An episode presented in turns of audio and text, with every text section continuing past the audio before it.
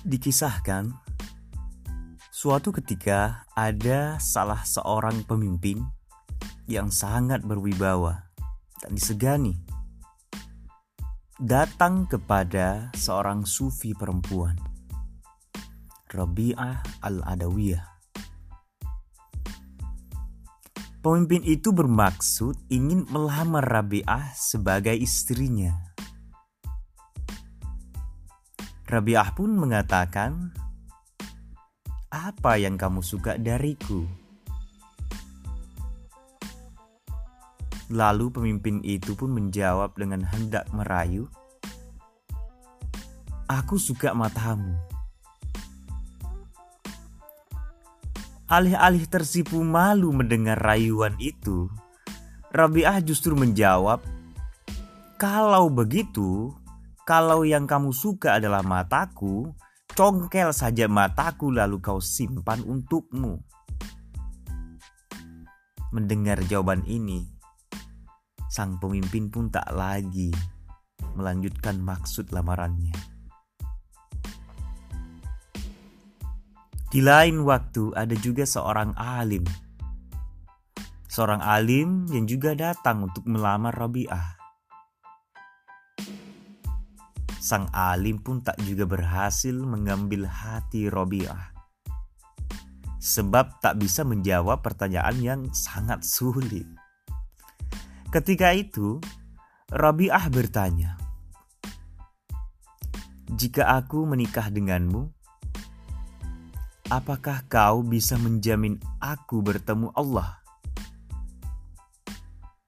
Mendengar pertanyaan ini, sang alim pun bingung sebab dia menyadari jangankan menjamin perempuan pinangannya itu menjamin dirinya sendiri saja dia tak sanggup. Maka sang alim menjawab tentu saja saya tak bisa. Mendengar jawaban itu Rabi'ah berkata kalau begitu saya akan menikah dengan Allah saja. Teman-teman sekalian, kisah ini kisah yang menggambarkan kepada kita tentang betapa mabuknya Rabi'ah al-Adawiyah kepada Allah. Salah satu ajarannya yang terkenal adalah tentang mahabbah ilallah, cinta kepada Allah dengan perasaan mabuk kepada Allah yang sangat mendalam ini, Rabi'ah merasa sudah tidak butuh apa pun lagi di muka bumi ini. Meskipun demikian, Rabi'ah bukanlah seorang yang menentang pernikahan. Perasaan cintanya kepada Allah, kepada Tuhan, melampaui hawa nafsunya.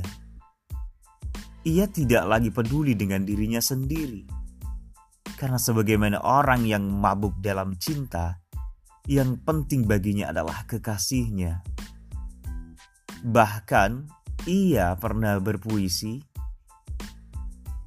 Ya Allah, jika ibadahku ini hanya menginginkan surgamu, maka bakarlah aku di nerakamu. Karena aku hanya ingin bertemu denganmu dan yang ku minta adalah cintamu, ridomu.